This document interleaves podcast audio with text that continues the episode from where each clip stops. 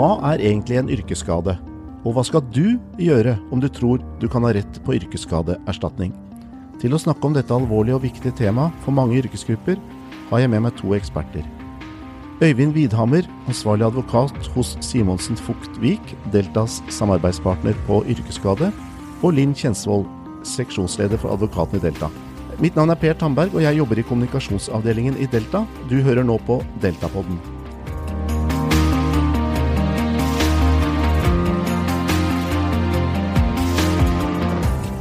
Først til deg, Øyvind. Hva er yrkesskadeforsikring? Du, en yrkesskadeforsikring det er jo en ordning som, eh, som kom, eh, kom, inn i loven eh, fra 1.1.1990. Da bestemte Stortinget at alle, absolutt alle arbeidstakere i Norge skal være dekka av en yrkesskadeforsikring. Dvs. Si at alle arbeidsgivere er fra det tidspunkt pliktig å tegne en forsikring der alle ansatte i sin bedrift er dekka av en yrkesskadeforsikring. Ja, så det, hvis jeg bare i forlengelsen av det sier at det er vel en, en, lov som sier noe om det, det er en yrkesskadeforsikringslov, og så står det vel også noe i folketrygdloven om de rettighetene du har som yrkesskadet? Det er riktig. Uh, denne loven den eh, dekker jo en uh, rekke ulike ting, og det skal jeg komme tilbake til. Det jeg kan uh, legge til i fortsettelsen av denne forsikringa, det er jo at det at, eh, at denne loven den gjelder for arbeidstakere. Eh, det vil si at selvstendig næringsdrivende eller sånne selvstendige oppdragstakere, de er ikke omfattet av loven. Det er altså de som er ansatt uh, hos en arbeidsgiver i Norge. De, de er automatisk dekka. Det er en obligatorisk forsikringsdekning. I tillegg til det så er det sånn at alle arbeidstakere i Norge er også dekka av et parallelt system i folketrygdloven, eh, der man også har visse rettigheter hvis man blir utsatt for en yrkesskade. Eh, det er sånn kort fortalt eh, kjerna i en yrkesskadeforsikring, da. Bare et kjapt tilleggsspørsmål. Du var, du var innom at dette er arbeidstakere, altså, altså de som er ansatt ja. i en virksomhet. Vi har jo også medlemmer som driver sin egen virksomhet. De må da tegne en separat De må sørge for dette selv. Det er helt riktig. Alle som driver for seg selv, er selvstendig, eh, selvstendig næringsdrivende eller oppdragstakere. De må selv sørge for å ha de forsikringene. De er ikke omfattet av denne obligatoriske dekninga. Så kan vel kanskje jeg si i forlengelsen av det at hvem er en ansatt? Eh, hvis du er vikar, så er du ansatt. Og så er det, det er egentlig ikke kontrakten som styrer om du er ansatt eller ikke. Den, den som er ansatt, er den som er ansatt etter en konkret vurdering av om man utfører arbeid for noen. Og de som er det, de skal være dekket av yrkesskaderegelverket. Det er helt riktig. Og så kan jeg også tilføye at hvis det skulle være sånn at en arbeidsgiver har synda litt og ikke tegna en sånn forsikring, hva da? Eh, hvis noen har skada seg i arbeid, og så viser det seg at, eh, at arbeidsgiveren ikke har klart å tegne denne forsikringa. Jo da, da er det en sånn ordning som sier at uh, alle forsikringsselskap er pliktige til å ha, eller de har oppretta en sånn forsikringspool som heter Yrkesskadeforsikringsforeningen. Og de vil da i slike tilfeller opptre som om du er forsikra, altså som et forsikringsselskap. Sånn at den som skader seg og blir utsatt for en yrkesskade, der arbeidsgiver ikke har klart å tegne sånn forsikring, de er allikevel sikra samme dekning som om forsikringa var tegna. Det eneste det går utover, det er da denne arbeidsgiveren som ikke har tegna forsikring. De risikerer da å få et saftig regresskrav tilbake fra denne foreninga. Altså arbeidsgiveren blir rett og slett sittende med regninga, og det kan bli betydelige beløp. Det er jo godt å høre fra arbeidstakersiden at det ligger et uh, flott regelverk uh, i bunn. Og det bringer oss kanskje over til et uh, neste spørsmål. Uh, hvis vi nå tenker at man er arbeidstaker, så er jo spørsmålet når er det man er dekket, da? Av en yrkesskadeforsikring. Ja, og, der er det visse sånne uh, vilkår i loven som er oppstilt, og som alle må være oppfylt for at man skal være yrkesskadedekka. Og det er jo det at for det første så må det Eh, skaden være som følge av en arbeidsulykke, altså en ulykkeshendelse i lovens forstand, eh, eller en nærmere bestemt definert yrkessykdom. Og så er det sånn at disse, denne arbeidsulykka eller yrkessykdommen må være påført i arbeid, på arbeidsstedet, i arbeidstiden. Så her er det altså et sett med betingelser som alle må være oppfylt for at man skal falle inn under denne loven. Uh, og det er jo gjerne her en del av diskusjonene også begynner, da, når det gjelder uh, visse uklarheter i forbindelse med disse dekningene. Tør du å definere hva en arbeidsulykke er? Ja, uh, og det er også definert i loven. En arbeidsulykke det er en, en plutselig, ytre og uforutsett hendelse. Altså det må skje noe plutselig, og det må være uforutsett. Og gjerne en ytre påvirkning. Og, der er jo det, og dette her er jo et sett av, av kriterier som kan by på en del utfordringer, og det ser vi mye i, i rettspraksis og sånn, da, som sikkert mange hører om. At noen får, får, hendelser godkjent, mens andre ikke får sine hendelser godkjent. Og det kan nettopp være som en følge av vurderinga av disse kriteriene som kan oppleves som litt rigide av og til ligger, hvor ligger bevisbyrden her for å, for, å, for å, kunne dokumentere at det er en ulykkeshendelse? Nei, altså Det er jo arbeidstakeren, altså den som fremmer et krav, som har bevisbyrden for at det har skjedd en arbeidsulykke. Og uh, typisk da at uh, En typisk arbeidsulykke er jo at man f.eks. sklir og faller. Uh, at noe faller ned og får det i hodet. Um, at man skal løfte noe, eh, sklir og faller. At man blir utsatt for et traume som er plutselig og uforutsett. Det kan være en ulykkeshendelse. Eh, og det er de typiske yrkesskadene, altså det som man tradisjonelt tenker på som en arbeidsulykkeshendelse. Eh, ja.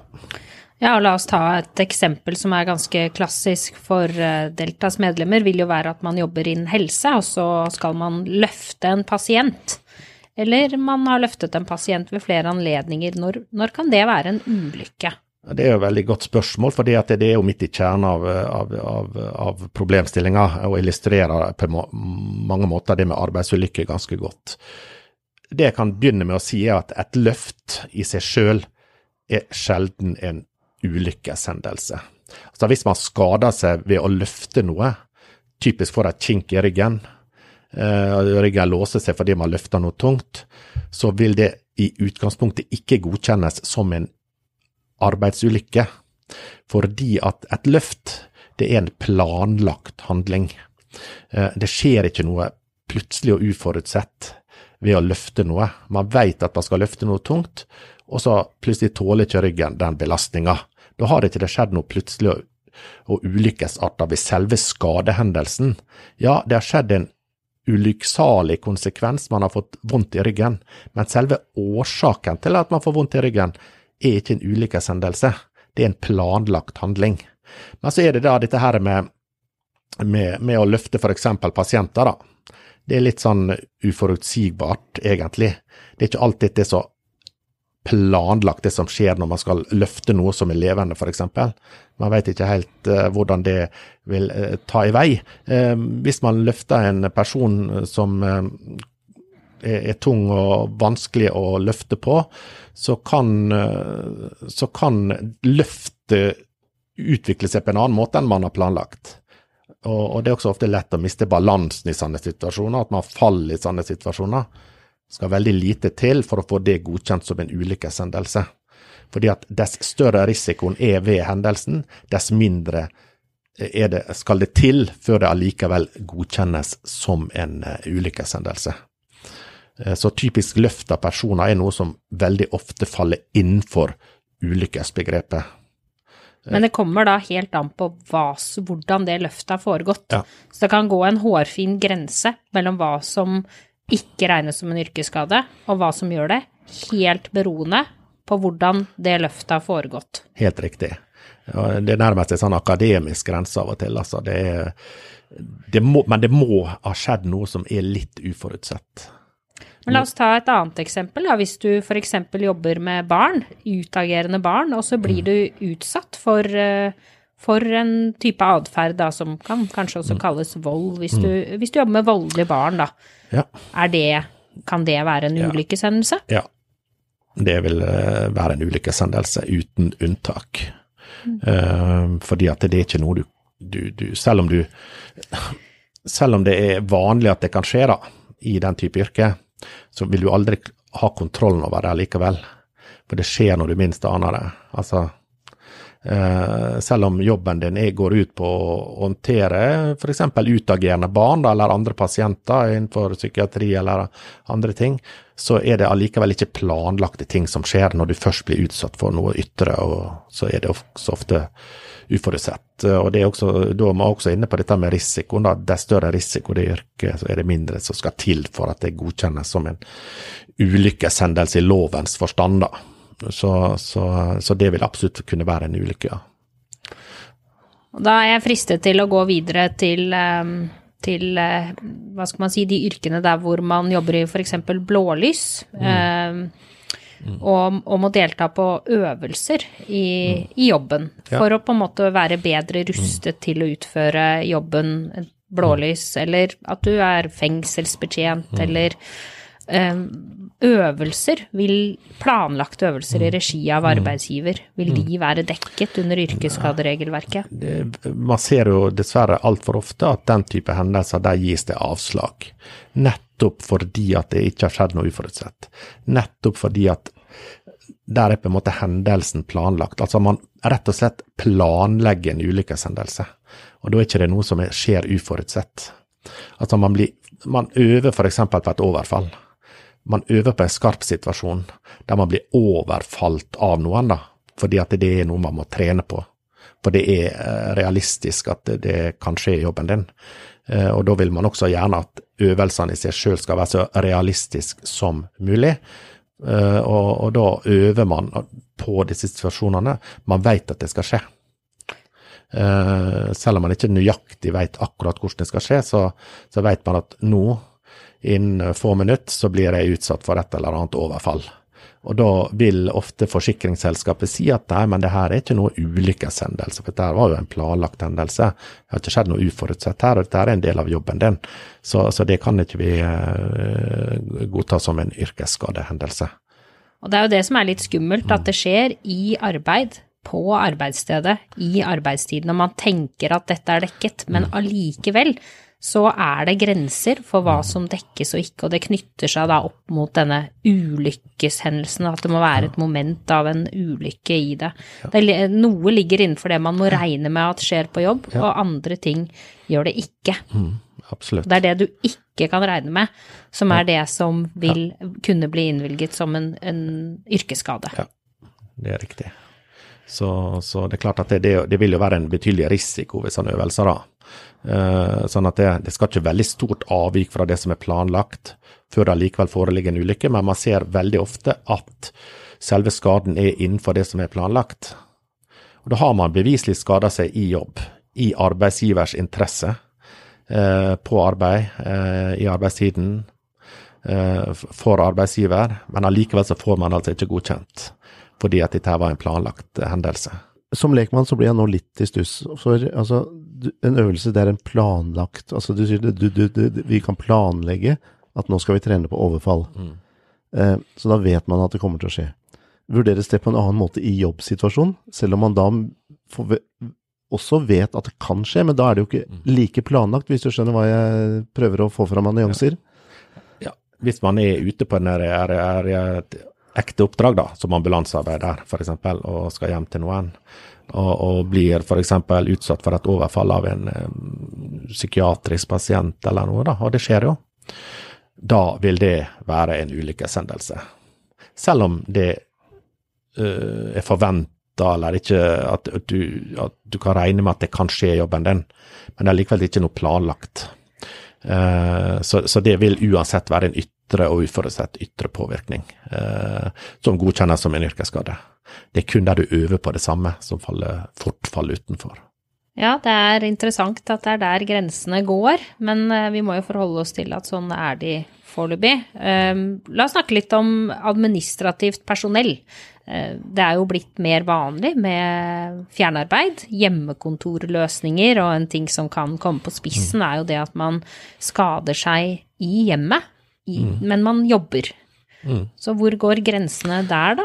Ja, og det har jo under pandemien nå reist en rekke problemstillinger. Ehm, det er jo sånn at når du er på hjemmekontor, da, og dette er på en måte organisert av arbeidsgiver, og du ble jo også pålagt av hjemmekontor i perioder, ja, så er du utvilsomt i arbeid på arbeidsstedet i arbeidstiden, samt per definisjon, da. Altså, arbeidsplassen er bare flytta hjem til deg. Men allikevel så er det en, eh, en forutsetning for å være yrkesskadedekka at det for det første skjer en ulykkeshendelse, eh, og at den skjer på arbeidsstedet. Og det er som oftest greit, for da er arbeidsstedet hjemmet ditt. Og at det skjer i arbeidstiden, det vil jo også være greit. Så lenge du utfører arbeid for arbeidsgiver, så er det også i arbeidstiden. Men det som ofte har bydd på de store problemene når det gjelder det med hjemmekontor, da, det er om, om, eh, om uh, ulykkeshendelsen har skjedd mens du utførte arbeid for arbeidsgiver, eller om du har bevega deg bort ifra det og over i et privat gjøremål. Og der er grensa veldig uskarp, så lenge du opererer på hjemmekontor. For la oss ta et eksempel. Det er jo ikke veldig praktisk at jeg skader meg når jeg sitter i et Teams-møte. Men så skal jeg ha lunsj, og så går jeg bort til kjøkkenbenken, og så kutter jeg opp en avokado. Og så klarer jeg da å kutte meg i hånda.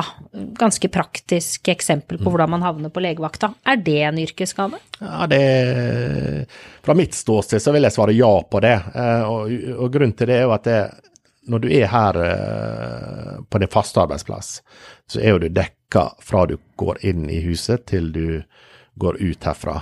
Så det vil si at hvis jeg kutter avokado ned på kontoret, så er jeg dekka. Ja, og i lunsjen din. Du er dekka under vanlig lunsj og alle sånne ting. Eh, Og også altså, noen pauser har du i form av å være i arbeid, som en naturlig pause til arbeidet ditt. da. Alt fra toalettbesøk til lunsjpause, der du må lage deg litt mat og koke deg litt kaffe og gjøre sånne ting som eh, faller inn under en normal arbeidsdag. Selv om du strengt tatt ikke utfører arbeid akkurat når ulykka skjer, så er det en del av arbeidet ditt, det også. Um, Jeg hadde et eksempel på en sånn sak, en som satt på et Teams-møte og jobba. Og så ble alle deltakerne enig i at de skulle ha en liten matpause, og så skulle de fortsette Teams-møtet etter 15 minutter. Og så går han da ned en etasje, for, å, for han har kjøkkenet sitt der, eh, og på vei ned så sklir han i trappa og blir påført et brudd i ryggen. Og han fikk i utgangspunktet avslag på dette her fordi at forsikringsselskapet mente at, eh, at eh, han ikke var i arbeid, i en arbeidssituasjon når dette her skjedde. Eh, Men da argumenterte vi med at eh, dette her var en, en naturlig pause i arbeidet. Han kunne dokumentere at han hadde sittet på et Teams-møte, og han kunne også dokumentere at det møtet skulle fortsette. Så dette var en helt naturlig pause i tilknytning til arbeidet.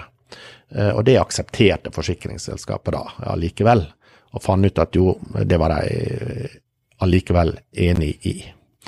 Um, jeg har et annet eksempel som også kan illustrere dette. her. Det var en som hadde hyttekontor. Det kan også være uh, hjemmekontor, da.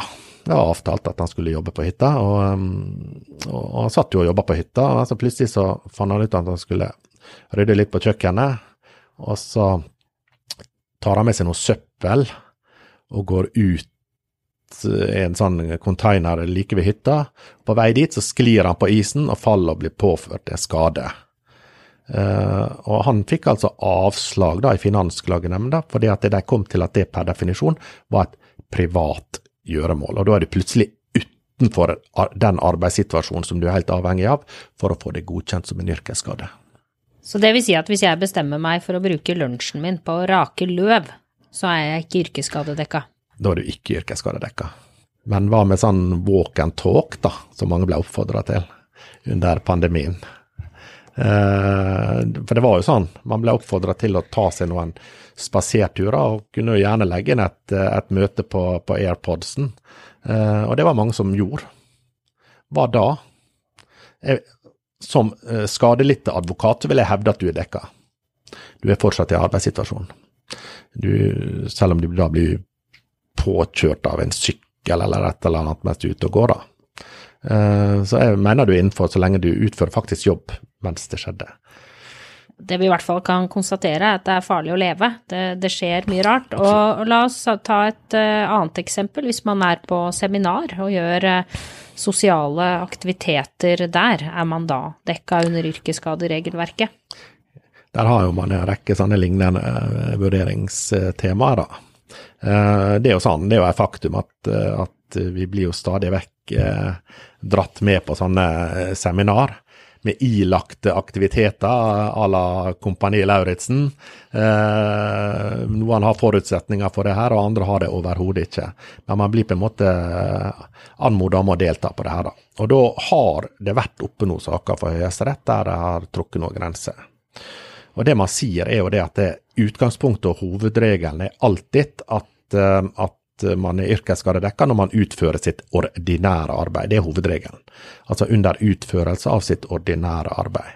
Men så er det sånn da at når du drar på sånne seminar, så kan du fort bevege deg bort fra ditt ordinære arbeid. Så da blir det en sånn konkret vurdering som går på eh, For å være kort, da. Som går på hvem er det som har organisert det her? Hvem er det som betaler? og hvor sterke er forventningene om, at man skal delta på disse aktivitetene. Eh, og så er det gjerne sånn at det, hvis det er arbeidsgiver som betaler for dette og organiserer det, og legger alt til rette for det, og de legger stor vekt på at dette er viktig for arbeidsmiljøet, altså det er fremtidsretta for bedrifter, ja, så føler også alle ansatte en sterk forpliktelse om å delta. Ingen er de som backer ut og sier dette vil jeg ikke være med på. Når arbeidsgiver har lagt seg i selen og organisert det her og betalt for det og lagt alt til rette for det. Uh, og når det er en, del av et typisk faglig program, da, at, uh, at, at hoveddelen av seminaret er et ordinært faglig program, ispedd noen sosiale aktiviteter, og alt det her er organisert av arbeidsgiver og betalt av arbeidsgiver, så er man innenfor yrkesskadedekninga. Men hva hvis jeg etter middagen da beveger meg ut på dansegulvet, og så skader jeg meg der, er jeg da dekket? Nei, altså da er du plutselig over til noe sånn eh, Det, det blir mer en litt sånn frivillig situasjon, og en fritidssituasjon. Eh, også det, altså det sosiale som skjer etter et litt sånn ordinært program, faglig program, da.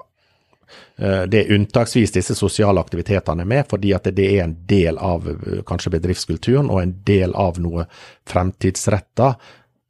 Gjerne å bygge sånn, sånn teamsbuilding, da. Det har et formål.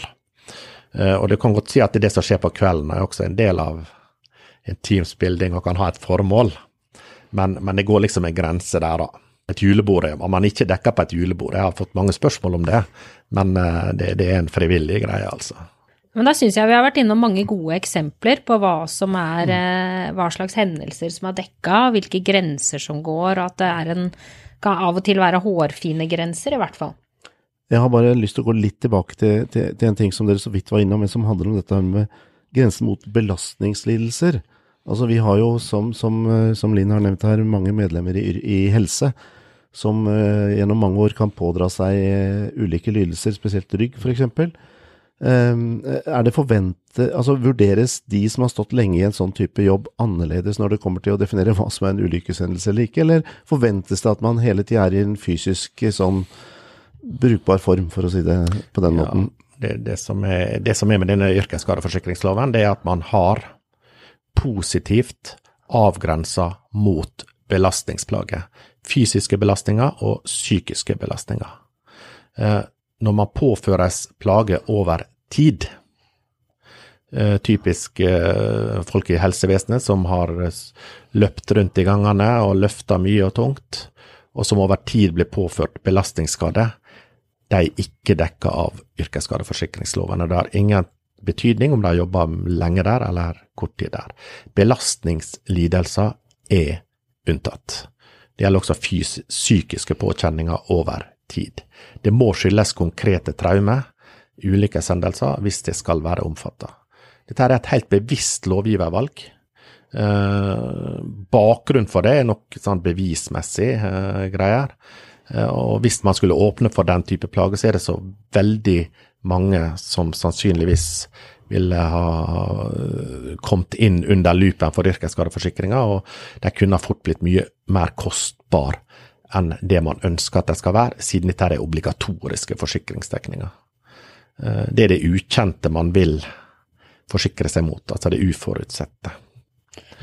Ja, da må vi vel bare konstatere at det er sånn jussen er, men at det kanskje vil oppleves urimelig for dem som ikke er dekka definitivt Det er ikke tvil om at det er en del yrkesgrupper som påføres ganske mye skade over et langt yrkesliv, eh, og som ikke får de dekningene de skal ha, burde ha. Eh, så dette er, men dette er et politisk spørsmål. Et rent politisk spørsmål, eh, som sånn med jevne mellomrom kommer på bordet mm, i forhold til å utvide dekninga. For det, det, er, det, fremstår som urimelig, og det er ikke, heller ikke å stikke under stol at det, det rammer mange kvinneyrker, det her. Det som tradisjonelt har vært kvinneyrke. Uh, men det er stadig på bordet, som sagt, og, og eneste måten å endre det på, det er, er jo da et politisk press rundt dette her. For det, det, er ikke bra.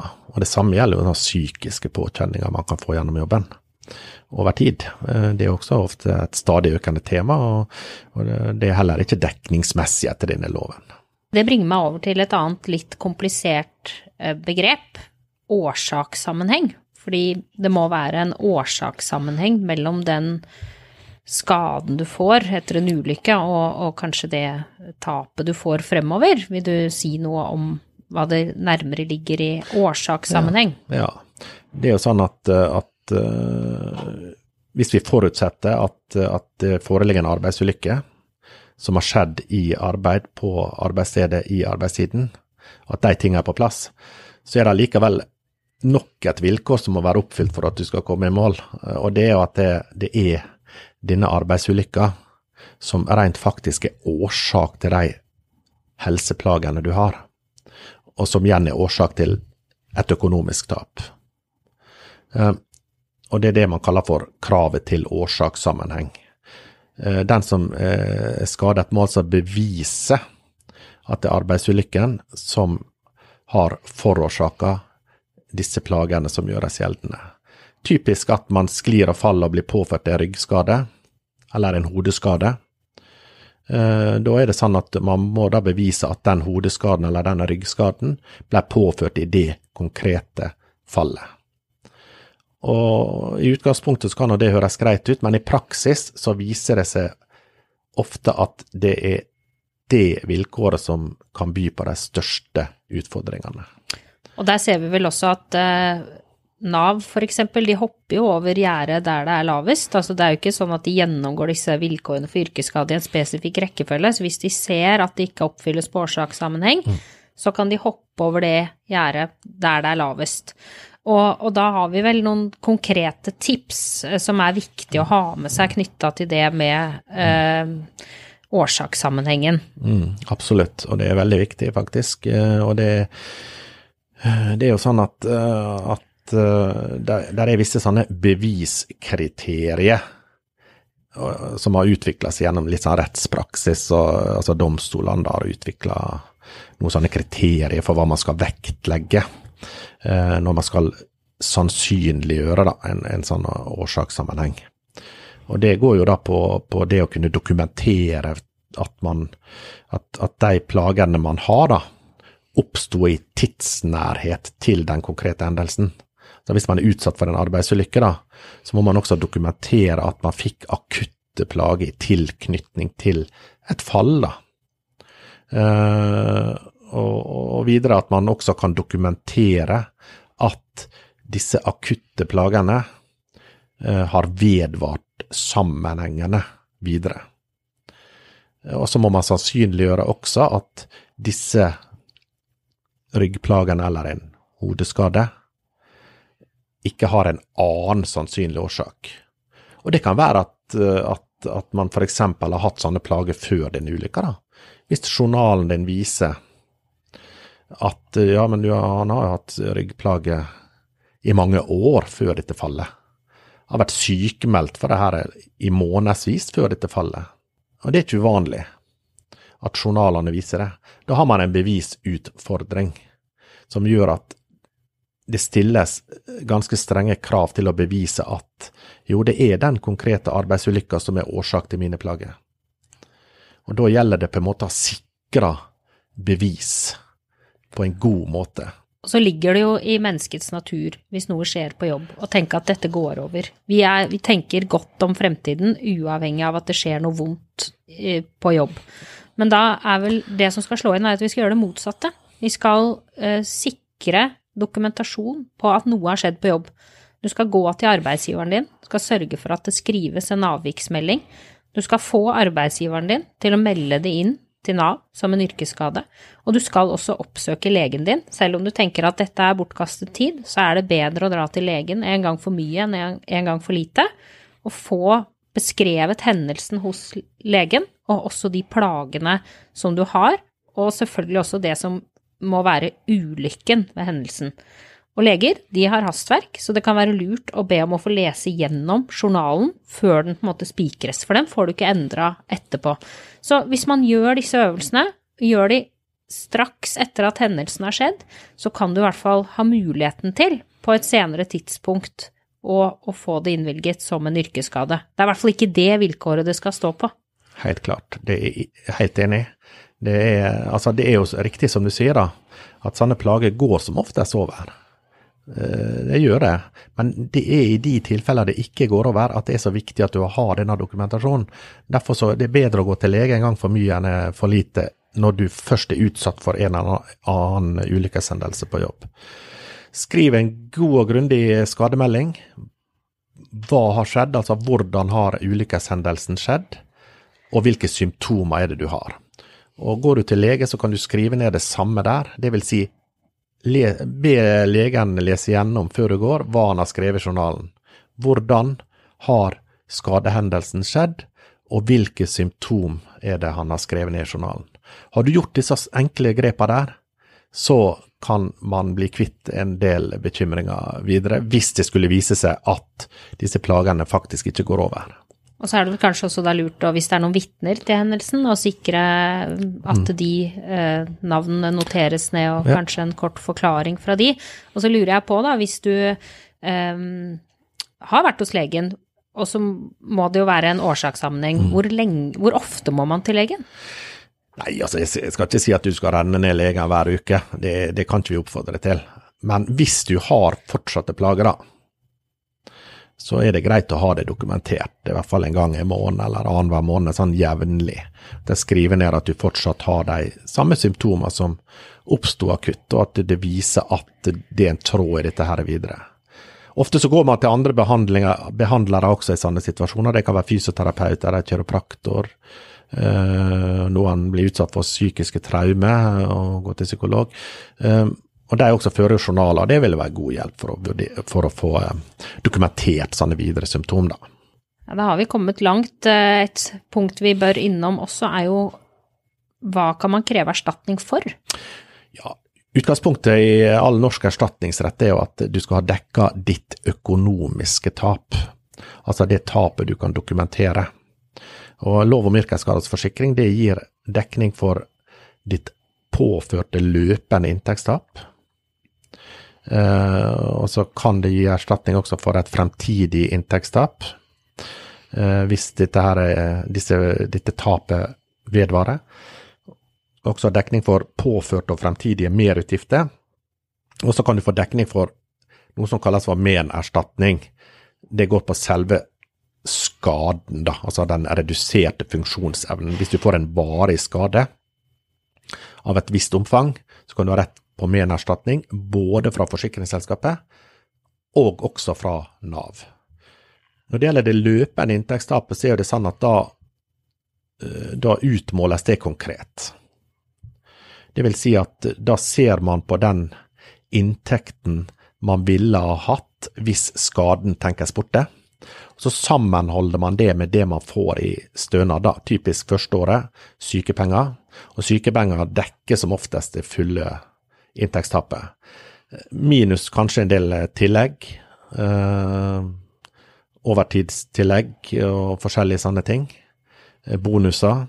Det skal også regnes inn. Altså, all inntekt eh, Altså i den grad din vanlige inntekt overstiger det du får i, i stønader, så skal du ha dekka differansen. Eh, krone for krone. Når det gjelder det fremtidige inntektstapet det, i lov om yrkesskadeforsikring, så skal jeg ikke si så mye om det, annet enn at det, det er en standardisert utmåling. Det er mer sånn tabellarisk, som man sier da. Uh, men det fordrer da at man blir varig ervervsufør. Uh, og så det da, vil da summen avhenge av uh, hvilken grad man blir ufør. Om det er 100% 50% 30% eller lignende. Så kan jeg jo tilføye at når du er yrkesskadedekket, så har du også noen koblinger opp mot andre offentlige ytelser som gjør at de kan bli mer fordelaktige, uten at vi trenger å gå i detalj på det i dag. Og så er det en grense opp mot eh, Noen nevner jo at de har en ulykkesforsikring. Da kan det vel kanskje bare være greit å si at det er noe annet eh, enn Det gir deg ikke nødvendigvis erstatning for alt det tapet du lider i fremtiden. Det vil typisk være engangsutbetalinger ut fra hvilken alder du er i. Så det å være ulykkesforsikret er egentlig noe annet enn det å være yrkesskadedekket. Absolutt. altså En ulykkesforsikring dekker ikke noe inntektstap. En ulykkesforsikring kan sammenlignes med en menerstatning. Det dekker kun øh, det gir en erstatning for selve skaden. Dvs. Si en medisinsk spesialist utmåler en, det man kaller for en medisinsk invaliditetsgrad, og så får man utbetalt en engangssum ut ifra selve skadeomfanget. Men når det gjelder uh, selve det løpende inntektstapet du har, så er det ofte det som representerer det store tapet. Og det er det som er ofte er avgjørende å få dekning for. da. Eh, og Der kommer jo da denne lov om yrkesskadeforsikring inn på en, en, en, god måte, og skal, og skal dekke det, det, løpende tapet som man ikke vil få gjennom en ulykkesforsikring. Vi har også mange som spør om dette der med når de er utsatt for en ulykke da, på jobb, og så vil de gjerne ha erstatning for det man kaller for tort og svie. da. Eh, og det, det, er noe som kalles for en oppreisningserstatning. Eh, det er en post som ikke er omfattet av lov, lov om yrkesskadeforsikring. Eh, skal man ha et krav på oppreisning, så, så må det i så fall rettes direkte mot en skadevolder, og den skadevolderen må ha opptrådt grovt uaktsomt. Så, så det blir en helt annen skål og det faller utenfor yrkesskadeproblematikken. Jeg tror vi skal tenke at eh, du får dekket ditt økonomiske tap, at det er, det, det er i den retningen regelverket går. Ja. Mm. Eh, jeg tror vi nærmer oss eh, avslutning på et veldig, veldig interessant tema. Er det noe dere vil legge til på tampen som dere mener vi ikke har vært innom, som, som kan være verdt å jeg kan jo si noe som vi ikke har snakka så mye om, men som jeg kan nevne kort. da, Det er jo at det er også noe som heter yrkessykdommer, som er dekka av loven. Men det er nærmere definerte sykdommer som der lovgiver har gitt en forskrift om yrkessykdommer, der de har lista opp uh, en del, en del type sykdommer. Og skal man ha godkjent en yrkessykdom som yrkesskade, så må den sykdommen man gjør gjeldende, være omfatta av den forskriften. Typisk vil være løsmiddelskade, eh, vibrasjonsskade ved håndholdt eh, eh, verktøy. Eh, det kan være kvikksølvforgiftning. Eh, det kan være larmskade, altså skade påført av, av støy larm, altså nedsatt hørsel og tinnitus som følge av larm i jobb. Det kan i noen tilfeller være smitte, covid, som mange har spørsmål om for tiden. det er også forskriftsbestemt, da. Eh, det vil si at eh, man kan få det godkjent som yrkessykdom hvis man har et yrke som per definisjon har en særskilt smitterisiko. Men for å få godkjent en yrkessykdom, så må man altså være omfattet av denne forskriften. Jeg kan vel kanskje også tilføye noe som knytter seg til den prosessen man skal inn i når man, eh, når man har fått en yrkesskade. At det kan være lurt å koble på advokat. Eh, det er jo fordi det også er to spor. Det, det ene er sporet med Nav, det å få det godkjent som en yrkesskade, og det andre er sporet overfor forsikringsselskapet som går på de ytelsene som da skal utbetales. Er du medlem i Delta, så oppfordrer jeg til å ta kontakt med Delta på et tidlig stadium av saken din, sånn at vi får hjulpet deg så godt som mulig. Begynn gjerne hos Delta direkte. Og så kan det være at man har rett til advokatbistand. Det var en uh, fin og viktig avrunding. Tusen takk til Øyvind Widhammer, ansvarlig advokat hos Simonsen Fugtvik, Deltas samarbeidspartner når det gjelder yrkesskade, og Linn Kjensvold, seksjonsleder for advokatene i Delta. Følg Deltapodden for nyttige tips og interessante samtaler, og kom gjerne med innspill til hvilke temaer vi skal ta for oss. Du finner oss i Deltas kanaler i sosiale medier. Takk for nå.